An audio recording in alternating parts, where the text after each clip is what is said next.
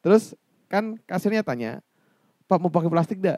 Jawabannya, ya iyalah, saya bawa pakai apa? Bismillahirrahmanirrahim. Assalamualaikum warahmatullahi wabarakatuh. Waalaikumsalam warahmatullahi Ya. wabarakatuh. Welcome back nih Ustaz. Alhamdulillah. Alhamdulillah. Ketemu Kembali lagi. lagi bersama guru anda kita, Ustaz Yabi Al-Ghifari. Alhamdulillah di Alhamdulillah. sharing sore gitu yang tentunya akan membahas hal yang kece, yang terkeren, alah terhits. eh. tentunya yang sok abeh ya. Eh, ini ya channel apa sebenarnya? Bingung deh. Kita akan bahas apa nih Ustaz nih sore ini? Ini kita akan bahas tentang fenomena yang lagi masyur ya. Less waste. Tahu nggak less waste? Apa itu? Less Pengurangan Ya, ngurangin buang sampah sembarangan. Oh, oke. Itu yang marak ya, tapi kayaknya belum masif juga. Ustaz. Masih kayak kurang konsisten gitu. Enggak, ini sudah terprogram, sudah jalan dan ini digaungi oleh beberapa asatid juga ya eh, yang ada di Indonesia yang terutama khususnya art- ustadz-ustadz yang tidak hanya kemudian eh, bersinar di mimbar tetapi juga bagaimana berkontribusi untuk bangsa dan negaranya. Oke, Salah baik. satunya adalah kasus sampah ini. Karena kasus ini cukup mengkhawatirkan. Kita ini peringkat dua di dunia Wow. ya sampah tidak tertanggulangi terutama sampah plastik setelah China Setelah China. ya kita ini nomor dua nah, itu Ini- kita patut khawatir begitu Baik. Yang menjadi menarik adalah kenapa Ustadz ini, kenapa Ya. asatid dan Ustadz yang notabene masalahnya itu sudah cukup kompleks di negeri kita malah isu agama terus diperdengarkan dan berbagai masalah dari celana cingkrang sampai cadar dan lain-lain. Tapi kenapa kok masih sempat-sempatnya mikirin ranah lingkungan melalui tadi gerakan untuk menanggulangi sampah khususnya plastik tadi. Kenapa harus asatid mengeker masalah itu dari sekian masalah yang ada, Ustaz? ya jadi pertama kan kalau kita pahami bahwa Indonesia ini negara mayoritas muslim gitu loh ya kalau kemudian eh, image-nya sebagai negara terbesar penghasil sampah itu berarti kesannya di dunia itu kan eh, the biggest muslim in the world itu jorok gitu loh kan jadi jorok ya kemproh gitu kok masa negara yang terkenal dengan jumlah populasi muslim yang terbesar itu di dunia bahkan kok ternyata menjadi negara penghasil sampah nomor dua Nomor Ya. dua. setelah nah negara China kita tahu negara China ini negara komunis kita ini peringkat dua 11 untuk 12 ternyata. Ya, negara peringkat kedua menjadi menjadi PR besar kemudian yang akhirnya mendorong para asatid kita untuk eh, turun langsung mem- apa ya memberikan eh, wahan wacana kemudian memberikan solusi mendorong kita semua untuk kemudian mulai peka nih bahwa muslim itu nggak seperti yang diduga oleh orang kebanyakan di sana bahwa kotor jorok gitu kan enggak bahwa muslim itu juga eh, sebetulnya adalah eh, umat yang paling terdepan itu loh. Karena Nabi kita kan pernah menyampaikan ya, kebersihan itu sebagian dari apa? Iman. Apa? Iman. Nah, dari iman. Jadi kalau eh, orang itu nggak bersih gitu loh. Orang muslim kok tidak cinta kebersihan, tidak mencintai lingkungan. Nah, terus ke mana rahmatan lil alaminnya? Nah, salah satunya kan adalah bagaimana kita ini orang muslim ini merawat ya, merawat sebagai eh, khalifah, ya, sebagai khalifah fil ard, yang ada di atas muka bumi ini gitu. Sehingga ini kewajiban kita bersama kemudian untuk eh, mulai bersih-bersih lah. Nah, supaya nanti itu di tahun yang ke depan kita tidak nyelip China. Bahaya juga gitu Oh, loh. satu dunia ternyata. Nah, itu kita jadi kalah standarnya nih sama negara-negara seperti Jepang, Korea, ya kan, yang penduduknya sudah lebih dulu sadar begitu tentang kebersihan. Itu kira-kira sejauh mana Ustaz dari program atau campaign yang dilakukan oleh para asatid? Apa sih yang menjadi poin lebih dari apabila itu yang nyampain asatid? Sedangkan eh, perkara ini kan sudah lama digemborkan banyak sekali mulai dari komunitas pecinta alam maupun komunitas-komunitas yang lainnya bahkan eh, pemerintahan juga sudah Ya, mulai mengkampanyekan ini sejak lama. Lalu Iya. sekarang yang baru-baru ini asatid itu. Emang sejauh apa sih kira-kira efek daripada ketika yang menyampaikan itu seorang asatid? ya jadi kan kebanyakan gitu loh. Kebanyakan kan kalau yang kita pahami bahwa isu ini kan banyak diangkat oleh orang-orang kiri sebetulnya. Orang-orang Orang-orang kiri. kiri. itu kidal maksudnya. oleh orang-orang kiri, oleh orang-orang ya tadi yang tuh bilang eh, apa namanya dari pergerakan-pergerakan eh, apa namanya pecinta lingkungan dan sebagainya. Jadi seolah-olah kalau asatid ini nggak turun nih seolah-olah kaum muslim ini acuh gitu loh terhadap eh, kebersihan. Padahal enggak. Padahal harusnya kaum muslim ini adalah orang atau kaum yang paling terdepan gitu ketika membicarakan tentang lingkungan, tentang tidak hanya lingkungan, semua segmen kehidupan begitu loh. Entah itu saat ini mungkin kita sedang bicara tentang lingkungan dan siapa tahu ke depan nanti kita akan bicara tentang teknologi, tentang ekonomi, nah, tentang negara. Nah, kita adalah or- adalah kaum muslimin, orang-orang mukmin yang memang paling terdepan begitu ketika membahas tentang konsep-konsep kehidupan. Karena kita ini diwarisi oleh Allah dan Rasulnya adalah sebuah perangkat kehidupan yang sangat lengkap. Al-Quran itu kan tidak hanya sekedar membahas eh, tentang sholat, puasa, zakat, ya kan, haji, sedekah, tidak hanya sekedar, sekedar itu, tetapi juga di dalam aturan Al-Quran, di dalam hadis itu diajarkan tentang bagaimana konsep-konsep kehidupan, tentang kebersihan di situ, tentang menjaga lingkungan, tidak menyiksa binatang, ya. Kemudian bagaimana eh, kita hidup dengan alam, ya. Kemudian bagaimana kita melestarikan apa yang ada. Bahkan kalau antum tahu ya, dulu di Turki ketika masa Umar bin Abdul Aziz, ini belum pernah ada, bahkan di Eropa sekalipun belum pernah ada kebiasaan seperti ini. Jadi dulu di Turki itu pernah ya ketika musim dingin tiba itu banyak hewan-hewan yang tidak bisa mencari makan keluar gitu kan. Nah, ketika kemudian mereka tidak bisa mencari makan di luar, apa yang mereka lakukan? Ya. Khalifah Umar bin Abdul Aziz memerintahkan orang-orang di sana untuk menebarkan makanan di sepanjang jalan. Sampai hutan-hutan. ya. Iya. Kenapa? Karena Khalifah berpikir bagaimana hewan itu akan keluar cari makan di musim dingin kecuali tidak dis- kalau tidak ada makanan di luar sana. Kita hujan aja mager, gojek. Akhirnya disedia disediakan oleh negara gitu loh. Hewan itu difikirkan bagaimana dengan manusia gitu loh. Itu di zaman ketika masa Islam bangkit, Islam Islam memimpin peradaban. Bagaimana mulianya begitu. Sampai hewan itu difikirkan gitu loh. Sampai bahkan itu sampai hari ini ya tradisi itu memberi makan burung ketika musim dingin di Turki itu masih ada sampai sekarang. Silakan dicek, ditulis aja di search di Google atau kalau pengen tahu memberi makan burung di musim dingin di Turki. Nanti lihat ada foto-foto bagaimana orang-orang di sana itu nyebar makanan di di atas salju, tumpukan salju itu supaya burung-burung itu bisa cari makan di situ. Itu baru baru satu segmen tentang hewan, belum lagi tentang pengelolaan sampah, limbah dan sebagainya. Dulu di Cordoba di Andalusia, Spanyol, itu bagaimana sistem tata kota perairan itu sangat higienis, sangat bersih gitu. Sanitasi dalam Islam itu sangat tinggi. Bahkan rumah sakit, rumah sakit atau bimaristan, bimaristan di dalam Islam itu benar-benar diperhatikan sekali kebersihannya. Nah, tapi kenapa umat hari ini kok nggak seperti dulu? Seperti acuh tak acuh. Makanya akhirnya para asatid tidak hanya sekedar berceramah, tidak hanya sekedar mengajarkan fikih atau muamalah eh, atau tentang ekonomi, tetapi juga akhirnya berpikir tentang lingkungan. Ya karena ini sektor penting juga. Pertama tadi identitas Indonesia sebagai negara muslim terbesar di dunia. Yang kedua, kenapa kaitannya dengan sampah? Ya, ini kan nggak menarik gitu, nggak cocok sebetulnya. Makanya di sini kita perlu berbenah. Itu salah satunya kita mulai dari kecintaan terhadap lingkungan gitu. Itu Mas Aki. Baik. Soalnya pastinya sangat iya ya. Di sisi lain kita sebagai muslim, di sisi lain kita selalu didekatkan dengan nilai-nilai akhlak Hmm. dan perlakuan yang baik. Iya. Apalagi kita selalu bergembor-gembor bahwa rahmatan lil alamin kita Hmm. adalah menjadi pemimpin di dunia dan juga sistem yang kita punya itu memang mencakup bukan hanya orang muslim. Tapi gimana kalau nanti ter- terbranding ternyata Ya, orang itu negara yang muslim aja ternyata jorok. tempat sampah gitu kan. Iya. Lalu kiat-kiat apa Ustaz, yang sebenarnya bisa kita rubah? Ataukah kita menegur? Ataukah kita justru mengganti produk yang sudah ada dengan produk yang lebih ramah lingkungan? Atau sebenarnya adakah tahapan-tahapan yang mesti dirubah sehingga orang itu tidak bertindak demikian? Hmm. Karena tentunya banyak sekali pencegahan-pencegahan yang sudah dilakukan tapi memang belum efektif. Sebenarnya itu masalahnya di mana sih? Hmm. Ataukah fasilitasnya yang kurang, tempat sampahnya yang kurang, ataukah pemikiran orangnya yang belum terbentuk Hmm. atau budaya kita memang yang budaya sampah gimana Ustaz? Ya, ya, jadi ya banyak komponennya. Oh, ya tentu tentu kita butuh proses lah. Orang kita ngerusaknya juga butuh puluhan tahun kan.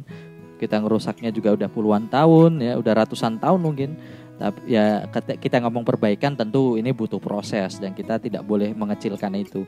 Banyak kok sekarang contohnya seperti yang digaungkan para asatid ini adalah sedekah sampah. Sedekah sampah itu keren loh.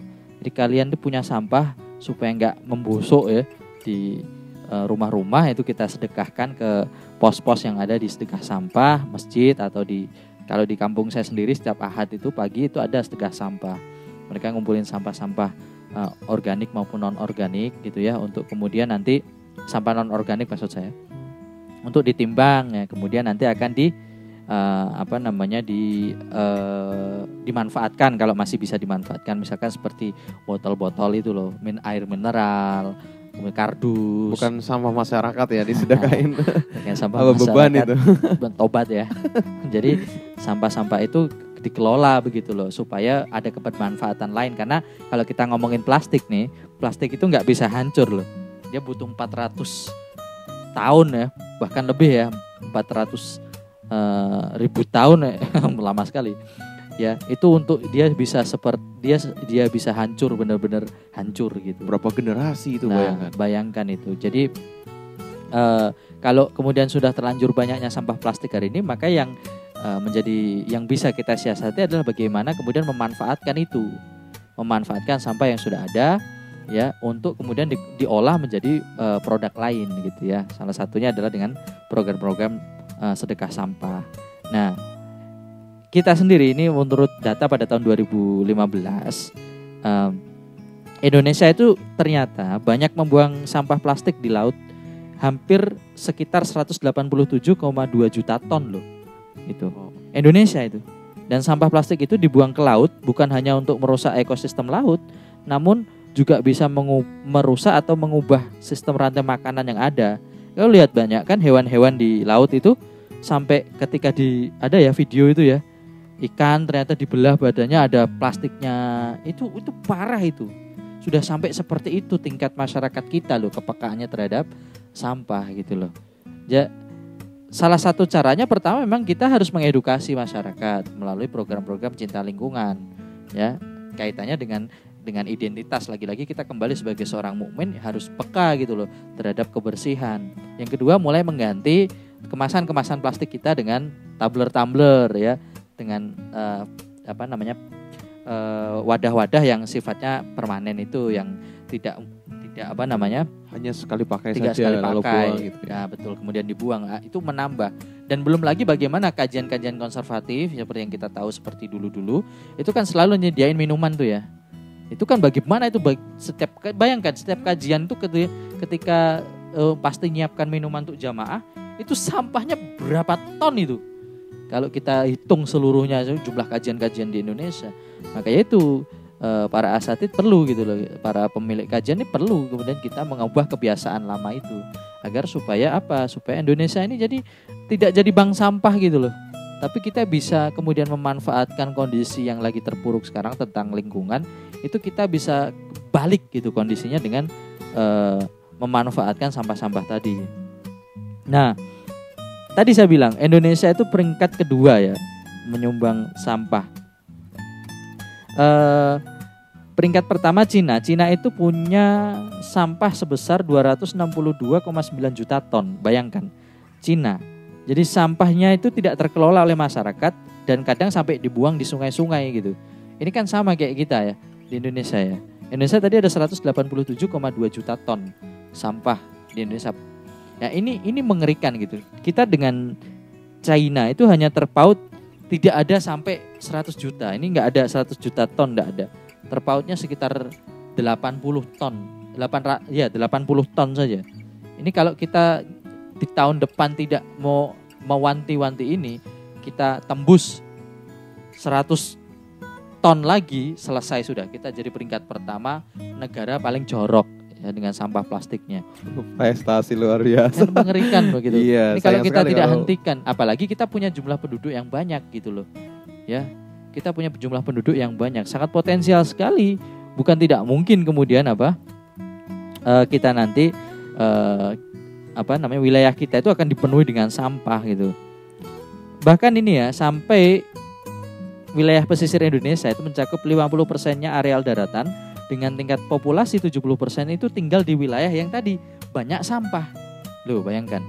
Dari 50% areal daratan itu tingkat populasinya ada 70% tinggal di wilayah daratan tadi yang 50%. Dan di antara 70% itu ada sampah-sampah sebes, sebesar 187,2 juta ton tadi. Bayangkan betapa mengerikannya gitu loh. Nah, itu kalau kita itu itu baru pada sektor sampah plastik yang uh, sifatnya konsumtif yang digunakan setiap hari. Bagaimana kemudian dengan kantong plastik kantong plastik yang digunakan untuk kemasan gitu? di Indonesia sendiri satu toko itu bisa mengeluarkan sampai 300 lembar plastik per harinya. Hmm. Untuk kemasan saja itu. Itu wadah plastik untuk bungkus tempat plastik. itu plastiknya berplastik-plastik gitu. Yeah. Sampahnya itu. Bayangkan kan gitu. Kita bisa terkubur plastik, jangan salah, jangan sampai meremehkan. Kita dengan Cina cuma selisih 80 juta ton sampah. Bayangkan itu. Ya ini tentu butuh proses lama, kita ngerusaknya berpuluh-puluh tahun ya tentu ini proses yang tapi dengan keterlibatan kita awareness kita kita mulai care dengan lingkungan kita terutama kita muslim. Kita ini orang-orang kaum kaum yang bersih diajarkan dari Rasulullah SAW untuk hidup dengan higienis untuk hidup dengan kebermanfaatan. Maka harusnya ya kita bergerak gitu loh untuk kemudian ikut mensukseskan kegiatan tersebut. Itu Mas Aki mulai dari tumbler mungkin itu dari langkah-langkah kecil yang Betul. nantinya bisa apa ya istilahnya kita ngerjainnya kecil-kecil dulu nanti akhirnya yang besar juga tercapai gitu Betul. ya. Lo itu berdampak sekali loh. Kita coba setiap kita belanja kita bawa tas yang sendiri tuh dari kain kita. Kita itu bisa menghemat 300 lembar per hari loh. 300 lembar per hari dari setiap satu toko. Apalagi kalau belinya gitu. ternyata gorengan satu, wah plastik gorengannya sendiri, kreseknya sendiri, wah, padahal satu tok isinya. Nah, isi gorengannya satu, plastiknya berdobel-dobel kan. Itu bayangkan gitu betapa betapa luar biasanya boros plastik kita itu sehari. Dan itu kita ketika itu bandingkan dengan ketika orang-orang di Jepang itu belanja, mereka selalu bawa tas belanjaan sendiri gitu loh. Mereka sangat meminimalisir, bukan berarti di sana nggak ada plastik ya, ada, tapi mereka sangat meminimalisir penggunaannya toh kalaupun mereka menggunakan plastik, mereka itu menyediakan tempat-tempat khusus di mana mereka habis membuang sampah plastiknya dan akan dikelola kemudian, ya. Jadi begitu. Lah tingkat kesadaran kita belum sampai ke sana secara sistem. Ini yang perlu kita bangun akhirnya secara independen para asatid, para penggerak eh, orang-orang yang mencintai uh, lingkungan akhirnya mulai berpikir dan berlomba-lomba untuk membuat berbagai kegiatan yang akhirnya bisa gitu loh menyalurkan atau setidaknya mengurangi dampak dari penimbunan sampah plastik ini. Baik kalau yang kita uh, ketahui atau saya yang menjalani uh, bahwa belakangan ini atau sudah lama sebenarnya langkah penanggulangan dari sampah plastik ini justru cenderung secara umum yang istilahnya dilakukan secara sempak itu dengan melalui plastik berbayar Ustaz. Hmm. Namun sejauh mana sih kira-kira efektifnya? Karena kalau saya pribadi nih iya. datang yeah. ke toko retail gitu kan, beli minuman misal gitu. Ya. Yeah. Mas plastiknya berbayar loh, mau pakai plastik kan enggak? Ya soat gitu ya pasti pakai lah gitu kita yeah. mau bungkus pakai apa? Yeah. Karena waktu itu pernah ada kejadian lucu. Uh. Bapak ada bapak-bapak yang beli yeah. di salah satu toko retail ternama uh. juga. Uh. Dia itu kayaknya lagi bete, Ustaz. Hmm kan ke kasir kan. Yeah. Dia beli minuman bersoda yang kemasannya satu liter setengah yang besar yeah, itu. Gede, gede. Dua. Yeah. Pak mau pakai plastik dah? Jawabannya, ya iyalah. Saya bawa pakai apa? saya yang di belakangnya itu ketawa sambil ya ampun ya itu SOP-nya dia tanya gitu tapi kan lucu juga ya. Yeah. Ya bapaknya jawab gitu gak salah juga. Itu gimana Ustaz? Seefektif mana gitu. Kasihan juga kan kasir-kasir kalau akhirnya dimarahin. Ya iyalah pakai. Saya mau bungkus pakai apa gitu. Ya, jadi memang mungkin maksudnya bagus dengan menambahkan biaya tambahan. Harapannya agar orang merasa terbebani begitu ya, sehingga tidak mengeluarkan uang untuk membayar plastik. Tapi itu bukan solusi lagi-lagi. Itu itu solusi pragmatis. So, biasanya eh, apa namanya solusi dari kapitalis itu menambal menakut-nakuti sesuatu dengan keguncangan finansial gitu. Padahal belum tentu orang-orang itu kemudian eh, terguncang begitu loh dengan kondisi. Apalagi cuma sekitar 200 perak 500 perak. Coba jual plastik yang bahkan ternyata ternyata produsennya lebih untung. Coba jual plastiknya itu kalau berani plastik resek biasa itu kamu beli jual 20 ribu kan nggak ada beli. Nah itu baru namanya efek efek simultan, efek nanggung-nanggung ya. Iya, jadi jadi bagaimana ya tentu dengan dengan pendidikan artinya kita sadarkan dulu pola hidup masyarakat kita. Cara salah satunya dengan apa yang dikerjakan para asatid itu dengan memahamkan mereka bahwa saat ini Indonesia itu darurat sampah, terutama sampah plastik. Kita hampir memproduksinya tadi ya ada 187,2 juta ton sampah. Itu kalau dihitung selama satu tahun itu sampah di Indonesia itu totalnya sampah sampah untuk kantong plastik ya kantong plastik tadi loh bapaknya minta itu loh.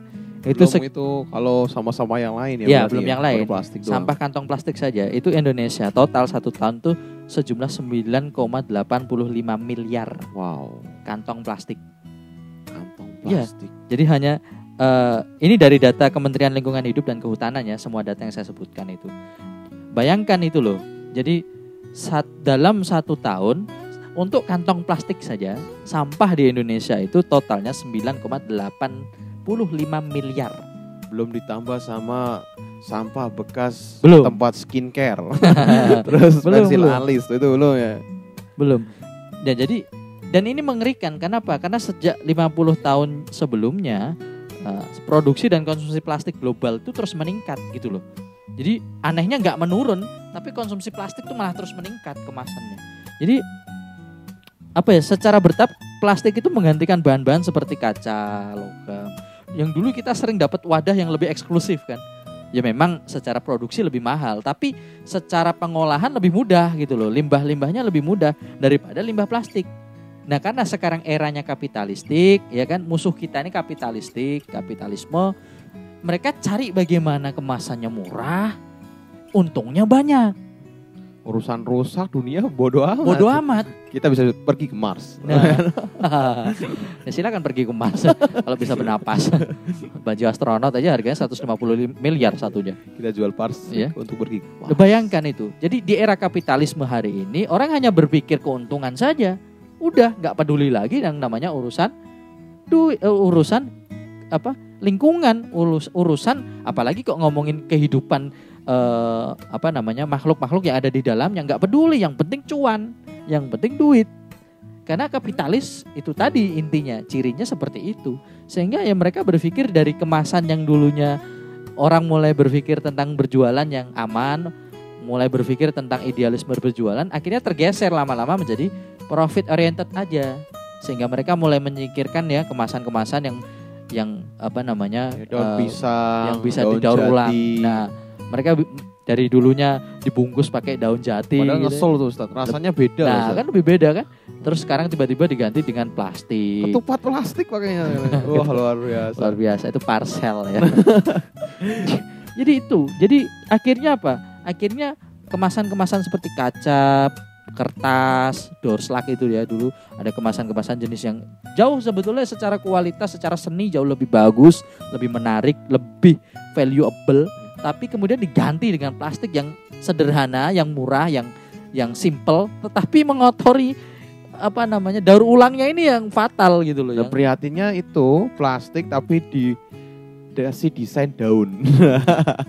Jadi tetap tidak menghilangkan fungsi Ya. ataupun nilai naturalnya. plastik eco green ada aja ya itu lah ini begitulah kita sedang menghadapi permasalahan ini jadi nggak main-main 9,8 miliar sampah kantong plastik saja loh untuk di Indonesia kasusnya dan di Indonesia itu eh, ada 32 ribu gerai itu yang menghasilkan 9,6 juta kantong plastik per harinya dan 21 ribu 24 hektar per tahun. Bayangkan 21 ri- itu kalau sampah ya sampah itu ditaruh di tanah lapang ya sampah itu dikumpulin sampah plastik aja ya. Hmm. itu eh, apa namanya?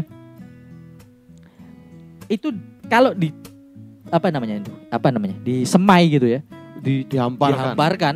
Itu totalnya 21.024 hektar. Wah. luasnya itu padang sampah itu juga Jadi pulau itu ya. wah hitung sendiri segitu luasnya 21.000 hektar Itu Ya. buat tanam itu. ini data ini kami ambil dari Aprindo.